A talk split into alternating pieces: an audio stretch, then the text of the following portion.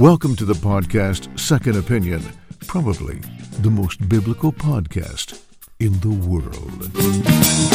Välkommen till podden Second Opinion. Jag heter Jakob Rudenstrand. Och jag heter Olof Edsinger. Det har ju varit väldigt mycket diskussioner om eh, kristen tro och värderingar i media den senaste tiden. Så idag, eh, innan vi går in på och, och pratar med eh, vår gäst det här, i det här avsnittet som är Per Evert som har fr från eh, Klapphamninstitutet som har kommit ut med en ny rapport om eh, utsatta kristna elever i skolvärlden eh, så kommer vi, jag och Olof, att diskutera varsin artikel. Och du Olof, du har ju en artikel med dig från Dagens Nyheters ledarsida. Skulle du kunna berätta lite grann om den? Ja, nej men precis. Det är ju då Lisa Magnusson på Dagens Nyheter som skrev en kommentar egentligen kopplat till tidningen Dagen. När Dagen Eh, än en gång får man väl säga tog ställning för den kristna, klassiskt kristna äktenskapssynen. Eh, och det föll inte Lisa Magnusson på läppen. Ehm, men eh, det är kanske inte helt oförutsägbart. Det som däremot är väldigt anmärkningsvärt är ju hur hon argumenterar kring detta. Ja, hon, hon, hon, hon tar ju upp eh, någonting som eh, hon, vad hon menar att goda kristna borde göra. Vi försöker ju alla, vi, åtminstone du, du och jag försöker ju vara goda kristna, men vi, det är knappast så att vi stenar människor. Har du gjort det någon gång? Nej, jag undrar vad hon har för kontakter i, i, i kristenheten, för jag känner ju faktiskt ingen god kristen som ens har övervägt att stena någon annan människa. Eh, men hon säger faktiskt så här att eh, Bibeln säger att om en kvinna inte är oskuld när hon gifter sig så åligger det varje god kristen att stena henne. Eh, Sen är hon ju generös och säger att det tror hon inte att dagens ledarredaktion skulle göra. Och det är ju fint av henne. Eh, Men hon menar helt enkelt att dagen i och med detta plockar russinen ur kakan efter egen smak.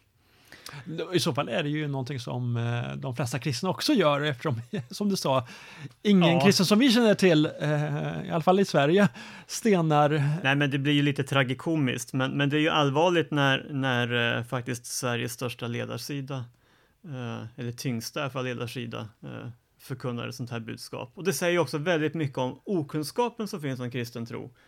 Om det nu inte är så att Lisa Magnusson helt enkelt bara blåljuger och försöker förleda sina läsare, men, men det vill jag ändå inte tro om henne. Man kan ju inte liksom utgå jag, från... jag hopp, tror och hoppas att hon helt enkelt bara är okunnig. Men det är klart, den höga svansföringen på en stor ledarsida är ju speciell. Nej, men det finns ju mycket att säga om det här. Eh, Och det första man kan säga är att den specifika situationen som hon tar upp, nämligen en, en kvinna eh, som har begått äktenskapsbrott eh, och ska stenas. Eh, de av oss som faktiskt har läst lite i Bibeln associerar ju snabbt till en specifik bibeltext.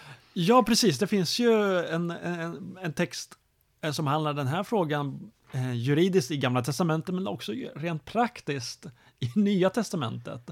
Ska, vi ska, innan, innan vi går in på det här i, i Nya Testamentet, kanske det är värt att, att, att eh, titta på den texten som finns i Gamla Testamentet, för det är ju där den först nämns, eller hur? Jo men så är det ju, och det är ju flera texter i, i Gamla Testamentet som föreskriver eh, straff för olika brott. Eh, vissa ganska hårda straff och stening tillhör ju de mer eh, obehagliga av de straffen. Ehm, och eh, det man generellt kan säga är ju att eh, Israel på den här tiden var ju en teokrati och skulle på något vis förkroppsliga Guds vilja men också faktiskt förkroppsliga strängheten i Guds vilja. Att, att man hade en, en kompromisslös relation till eh, vad som var sant och gott och rätt. Och det innebär ju bland annat att eh, det här som, som, som vi ser i en del av straffen, att det är väldigt hårda straff också för att markera syndens allvar. Ehm, och, och den principen finns ju kvar i Nya Testamentet av att synden är allvarlig, den är så allvarlig att den faktiskt skiljer oss människor från Gud. Eh, Men hela tanken med en teokrati där man liksom politiskt och, och mellan människor ska tillämpa den strängheten, den är ju helt borttagen i Nya Testamentet. Eh, Och, och det berör ju egentligen den, den ännu större frågan om en kristens förhållningssätt till lagen. Eh, Och även där brukar man ju säga att vi som kristna står inte under den judiska lagen, på det sätt som man, man gjorde som, som jude i det gamla förbundet. Eh, så att det är både nivån där vi talar om hur vi ska förhålla oss till lagen i allmänhet och till straffen i synnerhet. Och straffen är ju väldigt påtagligt knutet också till mm. statsbygget i Israel och det är ju vi inte alls delaktiga i. Och det är ju, det är ju i synnerhet texten i, i femte Mosebok kapitel 22 som ju eh, på något sätt reglerar i det gamla testamentliga Israel eh, förhållningssättet inom äktenskapet och vad som, vilket straffet är för, för otrohet och äktenskapsbrott. Men den texten eh, kan man ju säga minst, minst sagt relativiseras ju av Jesus själv, Jesus själv i Johannes 8, som man ju faktiskt får ett, ett, ett, ett exempel av en kvinna som har begått otrohet. Precis, alltså, och det är ju till och med en av Nya Testamentets mest kända och älskade texter där, mm. där Jesus faktiskt säger de här berömda orden att den som är utan synd ska kasta den första stenen. Och på något vis genom det så uh, han säger ju inte att den ursprungliga lagen är fel, men han, han visar med hela sin hållning att den har om inte annat haft sin tid. Mm. Eh, nu ska man ju också vara tydlig med att dödsstraff utdömdes väldigt sällan i Israel också. Alltså det, det är nog i första hand en avskräckande typ av, av straffsatser det här. Det normala var att man kunde lösa ut en dödsdömd person mm. genom böter eller liknande.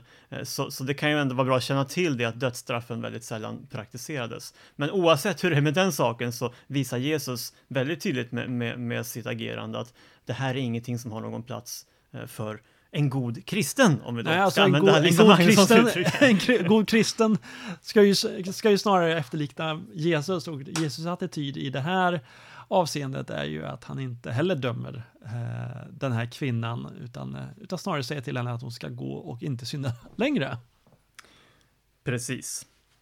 Nej, och eh, det finns ju fler exempel på där Jesus faktiskt eh, gör upp också med med lagar av olika slag och sabbatsbudet är ju också ett sådant exempel eh, där, där Jesus helt enkelt visar att i den nya tidsåldern, i det nya förbundet så, eh, så får inte de lagarna samma funktion som de en gång hade.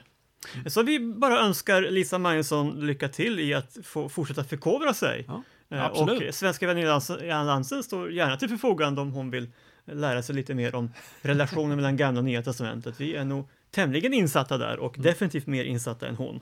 Mm. Eh, och eh, därmed så har hela Sveriges befolkning också fått en möjlighet att eh, stanna upp lite grann inför bibelsynsfrågorna och i bästa fall tänka till lite hur man ska vara konsekvent och faktiskt, det är ju lite poängen här, det är just för att vi inte plockar russin som kristna som vi har den här synen.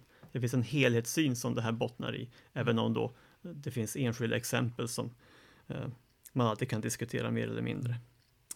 Så det var väl lite kommentar till Lisa Magnusson då, men du har läst Svenska Dagbladet du? Ja, eh, jag tittade på eh, en, en text av Lena Einhorn, författaren i Svenska Dagbladets kulturdel. Eh, hon har skrivit en väldigt intressant understreckare som heter Bibeln, historia, sägen och pusseldeckare. Eh, det finns väldigt mycket att säga om den texten. Eh, hon eh, försöker ju här med, eh, framhärda att eh, alltså Jesus eller Messiasgestalten eh, är egentligen någonting som kommer långt senare. Att, eh, att ehm, eh, det går inte att placera eh, den Messias som vi läser i Nya Testamentet under själva eh, Pontius Pilatus tid, utan det är någonting som kommer långt, långt senare enligt, enligt henne. Eh, problemet med den här texten är att hon även här, i likhet med eh, just den kritik som eh, Lisa Magnusson eh, talar om att plocka russinen i kakan. Det är någonting som Lena Einhorn i synnerhet gör i den här texten. Eh, kan ju gå igenom några texter där hon, eller liksom några påståenden där hon menar att eh, en mer sentida personlighet som, som kallas Egyptien ska ha varit Jesus. Eh, det kan ju också vara värt att, att notera att i ett tidigare bok av Lena Einhorn så har hon lanserat teorin om att Paulus och Jesus var samma person. Alltså en mm. teori som knappast har stöd i, i de breda forskningslägen. Nu lanserar hon en annan teori om att Jesus och en judisk revolutionär som, heter, som kallas Egyptien ska ha varit samma person. Så det är en ny teori. Precis, och man kan säga, i båda fallen så, så förlägger hon ju Jesu existens några decennier senare än, än vad alla andra tror, så att säga. Ja, precis. Och hon... tidigare då hävdade hon att Jesus var Paulus, nu hävdar hon att Jesus var en eh, en lärare som kallas för Egyptien och som Mm. då dök upp typ 20 år efter Jesu död. Precis, det är det som hon nu presenterar i, i den här teorin. Eh, några, några problematiska påståenden som hon näm, alltså, eh, skriver i sin text är att problemet med dessa tidiga berättelser är att de knappast kan kallas historia. Där ger stor plats åt det övernaturliga och det mytiska. Eh, och med det här, det här påståendet vill hon ju försöka få det till att, att man inte kan ta texter som innehåller eh, övernaturliga element för historia. Men tittar man på all historisk eh, biografi och alla historiska texter som skrevs innan upplysningen så innehåller de ju mängder av eh, det övernaturliga. Man kan till exempel jämföra med en av de främsta historisk, eh, romerska historikerna som heter, eh, hette Suetonius. När han skrev sin biografi om Julius Caesar och hur han korsade floden Rubicon för att förklara krig mot Rom så gör han ju det motiverat utifrån eh, en övernaturlig, övernaturlig syn enligt Suetonius. Eh, det är ett exempel. Senare så skriver hon att om man undantar en senare förvanskad, möjligen helt förfalskad paragraf hos den samtida historikern Flavius Josephus dyker utombibliska texter om Jesus upp först under andra århundradet. Och det här är ju två stycken problematiska påståenden som hon, hon gör, gör här. Dels att eh, de här eh, att det här påståendet om eh, paragrafen om Jesus i Josefus skulle vara falsk. Eh, där är den inte helt och hållet. Det finns eh, Alltså de flesta forskarna är överens om att det finns vissa kristna tillägg som talar om att Jesus skulle ha varit Messias och att eh, något om att han skulle vara mer än en människa. Eh, om man tar bort de här eh, kristna tilläggen eh, så är man de flesta forskarna är överens om att det här är en, en tidig text om, om Jesus. En annan problematisk påstående som hon gör är ju det här att eh, utombibliska texter om Jesus dyker först upp under andra århundradet, som om det skulle på något sätt undergräva eh, evangeliernas Jesus och evangeliernas eh, trovärdighet. Eh, det, är inte, det är inte ovanligt att historiska redogörelser av kända personer vid den här tidpunkten dyker upp först långt senare i andra ant, i, i antika texter. Eh, till exempel så nämns ju ståthållaren Felix först av romerska kejsar, äh, källor som eh, Suetonius och Tacitus efter århundrade, alltså den, den, den eh, ståthållare som eh, Lena Einhorn själv nämner. Och eh, när hon gör den här uppdelningen mellan bibliska och utombibliska texter vid den här tidpunkten så eh, man, man kan inte eh, liksom ta och tänka kring den här kategorin att det finns bibliska texter och utombibliska texter. Det här var kristna texter vid den här tidpunkten som nämnde Jesus och, eftersom det var ju eh, Eh, den kristna gruppen som kände bäst till eh, vem Jesus är. Och det är ju såklart att det är romerska texter som bäst känner till eh, de romerska te- kejsarna. Det kan ju finnas persiska texter, det kan finnas ehm, eh, andra texter från andra kulturer som skriver om de romerska kejsarna fast långt senare efter att de romerska, kej- romerska texterna har skrivit om dem. Så det här påståendet att, att, eh, att utombibliska texter om Jesus först dyker upp under andra, andra århundradet eh, ogiltig, kan, används för att ogiltigförklara eh, evangelierna som, som historiskt trovärdiga. Det är att göra det lite lätt för sig. Senare så säger ju hon att, att eh, Josefus nämner överhuvudtaget inga korsfästelser under Pilatus. Men det, är men det förekommer ju, eh, till exempel den här kors, korsfästelseberättelsen om, om Jesus eh, som skedde under Pilatus enligt Josefus som är en eh, text som knappt någon ifrågasätter Mm, mm. inom forskar, eh, Nej, forskarvärlden. men det känns ju som en ganska Ja. klassisk liberal hållning där man på något vis betraktar alla bibeltexter som felaktiga tills motsatsen bevisas. Ja, hon, hon, hon gör ju samma sak i, eh, i sina påståenden om Gamla Testamentet. Hon till exempel nämner en, eller skriver en insinuant fråga. Var de tidiga israeliterna verkligen monoteister? Alltså tillbad de bara en enda gud? Ba, tillbad de bara Israels gud? Eh, som om det här skulle vara, vara någonting som skjuter eh, Gamla Testamentets texter i, i sank, alltså dess Mm. trovärdighet i sank. Men Gamla testamentet kryllar ju av, av eh, tillfällen där Israels folk går vilse och tillber alla de andra folkens gudar. Precis, det är den stora sorgen som liksom löper genom Gamla Testamentet att folket borde vara monoteister men Mm. väljer att inte vara det. Precis. Eh, så att det, det är sådana här påståenden Mm. i hennes artikel som eh, får ju en att, liksom, att eh, klia på huvudet. Har hon, eh, har hon verkligen en sammanhängande tanke i det här? Och hon, hon avslutar ju sin text med eh, påståendet att man måste vara beredd att titta på i gliporna, alltså i, när man läser Bibeln. Eh, man måste vara beredd att titta i gliporna och ta till sig anomalierna. Det här, det här påståendet att man ska läsa en text eh, i, i, i hennes avseende, just Bibeln, att titta i gliporna för att hitta den verkliga innebörden. Hon ville ju knappa, knappast att man skulle tillämpa samma metod på hennes text. Eller de texterna som hon har skrivit. Hon Mm. Eh, vill ju inte att vi ska titta på till exempel den här artikeln eller de, de böckerna hon har skrivit för att se den egentliga innebörden eller egentliga budskapet i hennes text i gliporna. Så på det här sättet har hon ju inte gett någon, några egentliga skäl för att man ska läsa Bibeln på annat sätt att, än det författaren har avsett att man ska läsa den. Nej, men det känns ju som sagt som en kombination av en ganska gammaldags syn på, på Bibeln och en konspiratorisk sådan också. Eh, Och eh, hade det här varit en, en trovärdig teori så borde det rimligen varit en ganska stort antal forskare som drev den, men eh, det är ju ingenting som är något centralt spår i modern Jesusforskning i alla fall. Och det är klart, en person som dessutom både har låtit Jesus vara synonym med Paulus och sen med en, en annan då viseslärare från Egypten, eh, kanske inte heller den mest trovärdiga. Det är rätt tvära kast. Ja, precis. Väldigt tvära kast i, i olika Jesus-teorier. Jag skrev ju en, en, en krönika i Dagen i somras där, man, där vi liksom under det senaste året har ju fått höra väldigt många uppmaningar om att lyssna till vetenskapen, att, att lyssna till forskarna och, och vad den aktuella forskningen i, i olika frågor eh, har att säga. Och I synnerhet här så behöver vi ta till oss vad den aktuella Jesusforskningen eh, faktiskt säger. Och självklart så finns ju olika röster där, men många börjar ju mer och mer inse att, att evangelierna ligger nära i tid till själva händelserna, att det är eh, biografiska skildringar Mm. eh, och någonting som går tillbaka till ögonvittnen. Att det finns element i texterna som vittnar om att det här skrevs av människor som var nära i tid, nära till händelserna och eh, alltså såg med egna ögon och rörde med sina händer det de senare vittnar om. Ja.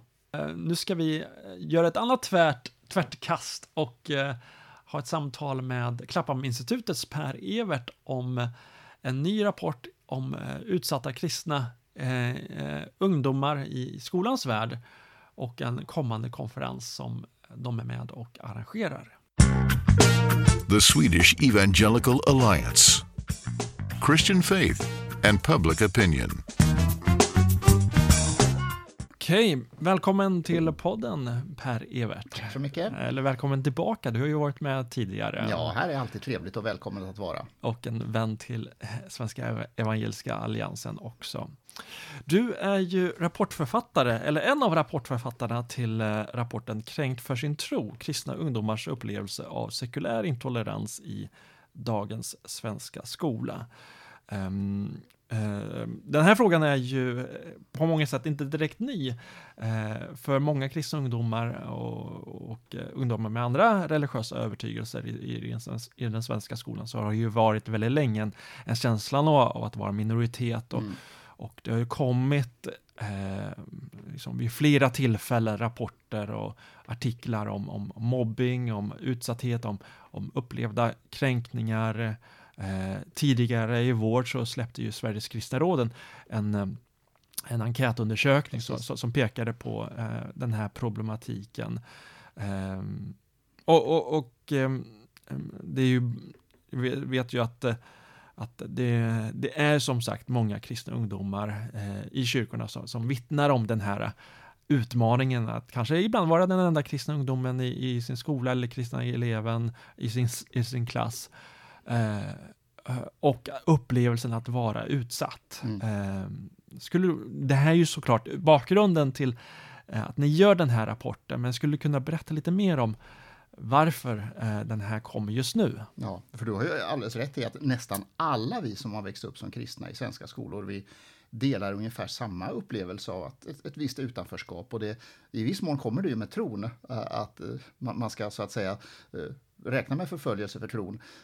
Men, men samtidigt är det ju inte rimligt att man i samhället har en grupp som känner sig kränkta och utsatta på grund av till exempel tro. Och här har ju den kristna tron simmat under radarn på något vis. Och de två orsakerna som gjorde att vi tog upp det här temat nu var ju dels att barnkonventionen är svensk lag från i år som säger att eh, varje barn har rätt till andlig utveckling. Och det andra är eh, utredningen om konfession i svenska skolan där skolministern tog emot den och dels hade lagt på utredaren kravet att han skulle lägga fram till hur man kunde förbjuda nyetablering av konfessionella skolor. Och hennes citat då, som vi inleder i rapporten med var, var att hon vill ha en, skol, en svensk skola där barn och elever från olika bakgrund möts i samma skolor, där barn och elever själva får bilda sig sin egen uppfattning i väldigt viktiga frågor och ska vara fri att forma sin egen uppfattning.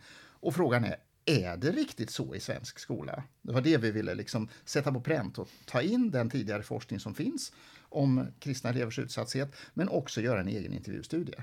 Mm, eh, vad, vad kom ni fram till då? Ni har ju såklart både forskningsrapporter, men, men ni har ju också eh, och såklart citat från, från utredningar och, och så vidare, men också intervjuer med eh, svenska skolungdomar, för det är ju deras röster som, som den här rapporten för fram. Ja, precis. Det är de viktigaste rösterna eh, i, liksom, upplever de att, att, den här, att den svenska skolan är en plats man, där elever från olika bakgrunder kan mötas tillsammans?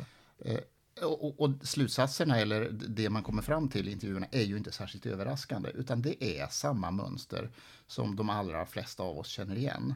Eh, och vi har delat upp det här tre mönstret i tre olika spår. Eh, vi har intervjuat 20 stycken kristna ungdomar, både nuvarande elever i den svenska skolan och tidigare elever i den svenska skolan som har en viss distans till det man har upplevt. Vi har intervjuat både killar och tjejer och elever från olika delar av kyrkoträdet. Och mönstret är väldigt likartat måste vi säga eh, för alla de här grupperna. Det är att man, man upplever på olika sätt direkta kränkningar från eh, andra elever. Att man kan utsätta sig, har blivit utsatt för ren mobbing och kränkningar på grund av sin tro. Eh, och då är det ju skolans uppdrag alltid att stävja det här och, och ta det på allvar och, och gå emot det. Eh, det andra mönstret är ju då att man mer indirekt eh, har upplevt sig kränkt av lärare som på, på, lite mer så här inlindat sätt visar att religionen är ingenting som tillhör den moderna världen, eh, utan det, det, är någonting som fanns förr och någonting som vi på något vis ser ner på. Och, och det är klart att elever med en, en levande tro känner sig tillplattade. Det, det är väldigt självklart. Och det tredje är då det här informella mönstret av en sekulär grundsyn som alla förutsätts ställa upp på på något vis. Och det är nästan det mest intressanta. Eh, inte det som sägs direkt nedsättande och kränkande, utan det här mönstret som hela tiden upprepas på något vis verkar sitta i väggarna. Mm. Um, har de här eleverna eh, gått vidare till, till, eh, till exempel skolans rektor eller barn och elevombudsmannen eller andra instanser eh, som, eh, som DIO eh, för att komma till rätta med de här Det är ju en jättebra fråga. Finns det, fin, finns det underlag för det? Det, det? det kan man ju tänka sig att elever gör som tillhör andra diskrimineringsgrunder, där är samhället väldigt bra, väldigt vaket i att ta tillvara elever som upplever sig kränkta. En sak som vi noterade i intervjuerna var att elever har en tendens att liksom förminska de kränkningar som man utsätts för. Därför att man på något vis, just eftersom det här sekulära intoleransen är så inbyggd, så tänker man att det är väl någonting man liksom får vänta sig. Jag, jag, jag får bara acceptera och svälja det. Som de tänker att, att den här intoleransen eller upplevda kränkningar är någonting normalt för ja, deras grupp. Precis. Och, och, det är ett jättebekymmersamt mönster som, som behöver uppmärksammas mer naturligtvis och förändras. Mm. För det som sagt, som du säger, andra människor och andra elever med, med, som känner sig kränkta och diskriminerade på, på, på grund av andra diskrimineringsgrunder som, som sexualitet eller mm. könsidentitet. Mm. Eh, om de skulle tycka att det var normalt så skulle ju såklart det, det officiella Sverige eh, dra i, ta i med hårdhandskarna liksom i brist på andra Ja, och det här är uttryck. ett mönster, för när det gäller de andra diskrimineringsgrunderna, då ropar ju samhället, alla instanser högt om att vi måste uppmärksamma det här. Och det är klart att uppmärksamma elever eventuella kränkningar som kanske egentligen inte är så allvarliga kränkningar. Men i det här fallet så, så är det snarare att samhället tystar och lägger locket på, därför att vi har haft det här som mönstret i så många decennier, där det sekulära grundtänket i skolan har varit så etablerat. Mm. Vad, vad, är det mer ni, ni kommer fram till i, i rapporten? Eh, ni har den här bakgrunden, ni har gjort eh, eh intervjuer med, eh, med, med, elever. Eh, har ni några rekommendationer? Hur, hur går ni vidare med Precis. Det första är ju egentligen att uppmärksamma och då tänker vi att den här rapporten som ju egentligen är den första sammanställningen av tidigare forskning kombinerat med en egen intervjustudie, att den kan leda till att politiker, beslutsfattare, opinionsbildare faktiskt uppmärksammar det här. Och även lärarhögskolor och lärarprofessionen Eh, Eh, så, så, det skickar vi med som en rekommendation, att staten och Skolverket bör se till att det här uppmärksammas bland lärarkollegiet, till exempel i fortbildningar och så vidare. Att man, det är ju lätt att man blir blind för en, en viss inslag i samhället och det här är uppenbart en sak som man har blivit blind för. Mm, och, och, det du nämner om att, att lärare behöver fortbildning, det, det är ju någonting som sker i, i de andra eh, diskrimineringsgrunderna. Eh, jag tittade nu på morgonen på MUCFs hems hemsida som är just en myndighet som arbetar med, med, med, med ungdomsfrågor. Ja. Eh, de är väldigt kvicka till att göra Uh, utbildningar när det gäller till exempel utsattheten för bland hbtq-elever som, som, som ju är en annan diskrimineringsgrund där man är väldigt mån om att, att lärarna ska ha ett, ett gott bemötande och att de ska också ha ett bra bemötande i den svenska skolan. Eh, när, jag, när, den här rapporten från SKR kom i våras så skrev jag just en, en, en artikel där jag till exempel efterfrågade en, en större studie och, och åtgärder från eh, MUCF. Mm, eh, tyvärr så jag har inte sett eh, några tydliga åtgärder ännu från, från, från myndigheten, men det skulle vara intressant att om de eh, med er rapport i, i händerna skulle göra någonting liknande. Precis, där har vi en myndighet och Skolverket är naturligtvis den andra ledande myndigheten. Och då skriver vi att Skolverket bör få i uppdrag att inom ramen för skolans värdegrundsuppdrag särskilt uppmärksamma kränkningar på grund av religion. Och då handlar det ju bland annat om att uppmärksamma den här sekulära normen. Därför att det är det vi pratar om när, när vi pratar om på ett positivt normkritik eller norm uppmärksammande att se att här finns det en norm som inte är bra. Vi behöver mm. lyfta den och vi behöver problematisera den och faktiskt förändra den för elevernas skull. Och det handlar ju inte bara om eh, kristna elever, man kan ju tänka att, att, samma problematik i väldigt hög grad även gäller muslimska ungdomar, judiska ungdomar ja. och ungdomar med en annan trosbakgrund. Att de också känner sig väldigt främmande och detta skapar ju knappast den, den, formen av skola som vår skolminister vill, eh, vill ha. Precis, eh, och då visar ju tidigare forskning att eh, de elever som har till exempel muslimsk bakgrund, de upplever inte samma utanförskap därför att deras tro upplevs så väldigt annorlunda mot majoritetssamhället. Medan den kristna tron ligger liksom så nära majoritetssamhället och det gör liksom den här tendensen att hoppa på den så mycket enklare. Eh, och det är det som jag ser att vi behöver uppmärksamma. Sen säger vi också att Skolinspektionen behöver få i uppdrag att särskilt uppmärksamma utsattheten hos unga troende inom ramen för de kvalitetsgranskningar och tillsyner som de gör. Eh, sen mm. handlar det också om, man tar den större politiska diskussionen så handlar det om att förslaget om att förbjuda konfessionella skolor därför att det skulle eh, segregera och skicka iväg religiösa elever till ett ställe. Det är bättre att ha alla religioner och alla grupper tillsammans och alla lever i harmoni. Den bilden är ju uppenbart inte sann. Och det gör att det behöver finnas tillåtelse att ha de skolor som står i överensstämmelse med föräldrarnas eh, konfessionella, religiösa, och filosofiska tro, precis som internationell rätt säger. Mm, mm. Och det är ju också så uppenbart som, som, som, du tidigare var inne på, och någonting som vi på SIA har uppmärksammat, att alla skolor har ju någon form av eh, livsåskådning, även de, de, de, eh, de kommunala skolorna, de har ju också en eh, en livsåskådning som, som, som, är dominerande, kanske inte alltid uttalat, mm. men, eh, men i alla fall någonting som präglar undervisningen. Mm. och det jag tittar på, om man säger någonting om min egen forskning, så doktorerar jag på hur Sverige blev världens mest sekulära och individualistiska land. Och där har det ju funnits en, en politisk press att göra skolan mm. så grundläggande sekulär under många decennier. Sen har det här slagit tillbaka den pendeln så att vi sedan 1994 har en, en riktigt bra läroplan. Men det här sekulära har satt sig så starkt i väggarna så då måste man påminna, uppmärksamma och problematisera och det är det vi försöker göra med den här rapporten. Eh, nyligen så kommer ju regeringen och slog fast de nya eh, kursplanen, eh, bland annat för religionskunskapen, mm. där man liksom återigen ville lyfta fram Bibeln. Ja, eh, eller bevara, det eller bevara redan de nuvarande kursplanerna. Kanske inte men, lyfta fram, men bevara precis, liksom, de gamla. Det är samma strävan ja, för politiker, att ja. vilja dra ner det kristna arvet och så ibland så utsätts man för påtryckningar, som i det här mm. fallet, och då låter man det vara lite grann. Men det är jätteintressant mm. växelspel här mellan opinionsbildning och mm. folkbefolkning och politiker. Och det illustrerar ju vikten av opinionsbildning, att lyfta alla de här frågorna som, som, som berör utbildningen, Precis. så att inte såklart, eh, eh, så, som kristna vill vi ju ha en, en pluralistisk skola liksom, där olika livsåskådningar får komma till tals. Ja. Eh, en saklig skola såklart. Ja. Eh, nyligen kom ju humanisterna med ett, ett, ett, förslag om att göra om religionskunskapsundervisningen i, i den svenska skolan till livsåskådningsundervisning. Från mitt håll så är jag liksom försiktigt positiv till, till, till den namnförändringen. För det skulle också illustrera hur den sekulära humanismen inte är en neutral position. Ja. Någonting som ju också framkommit i, eh, i, i de här undersökningarna, att många lärare uppfattar det som. Precis. Grundfrågan är ju egentligen inte vad ämnet heter, utan mm. grundfrågan är ju vilken inställning man har i, i läroplanerna och bland lärarna vilken atmosfär mm. som förmedlas i klassrummet. Och här visar ju framförallt Karin Kittelman Flensners avhandling och hon är för övrigt med på seminariet där vi, där vi diskuterar och släpper den här rapporten den 19 september i vår konferens. Eh, det är en digital konferens, Precis. men ni kommer ha en konferens eh, live ja.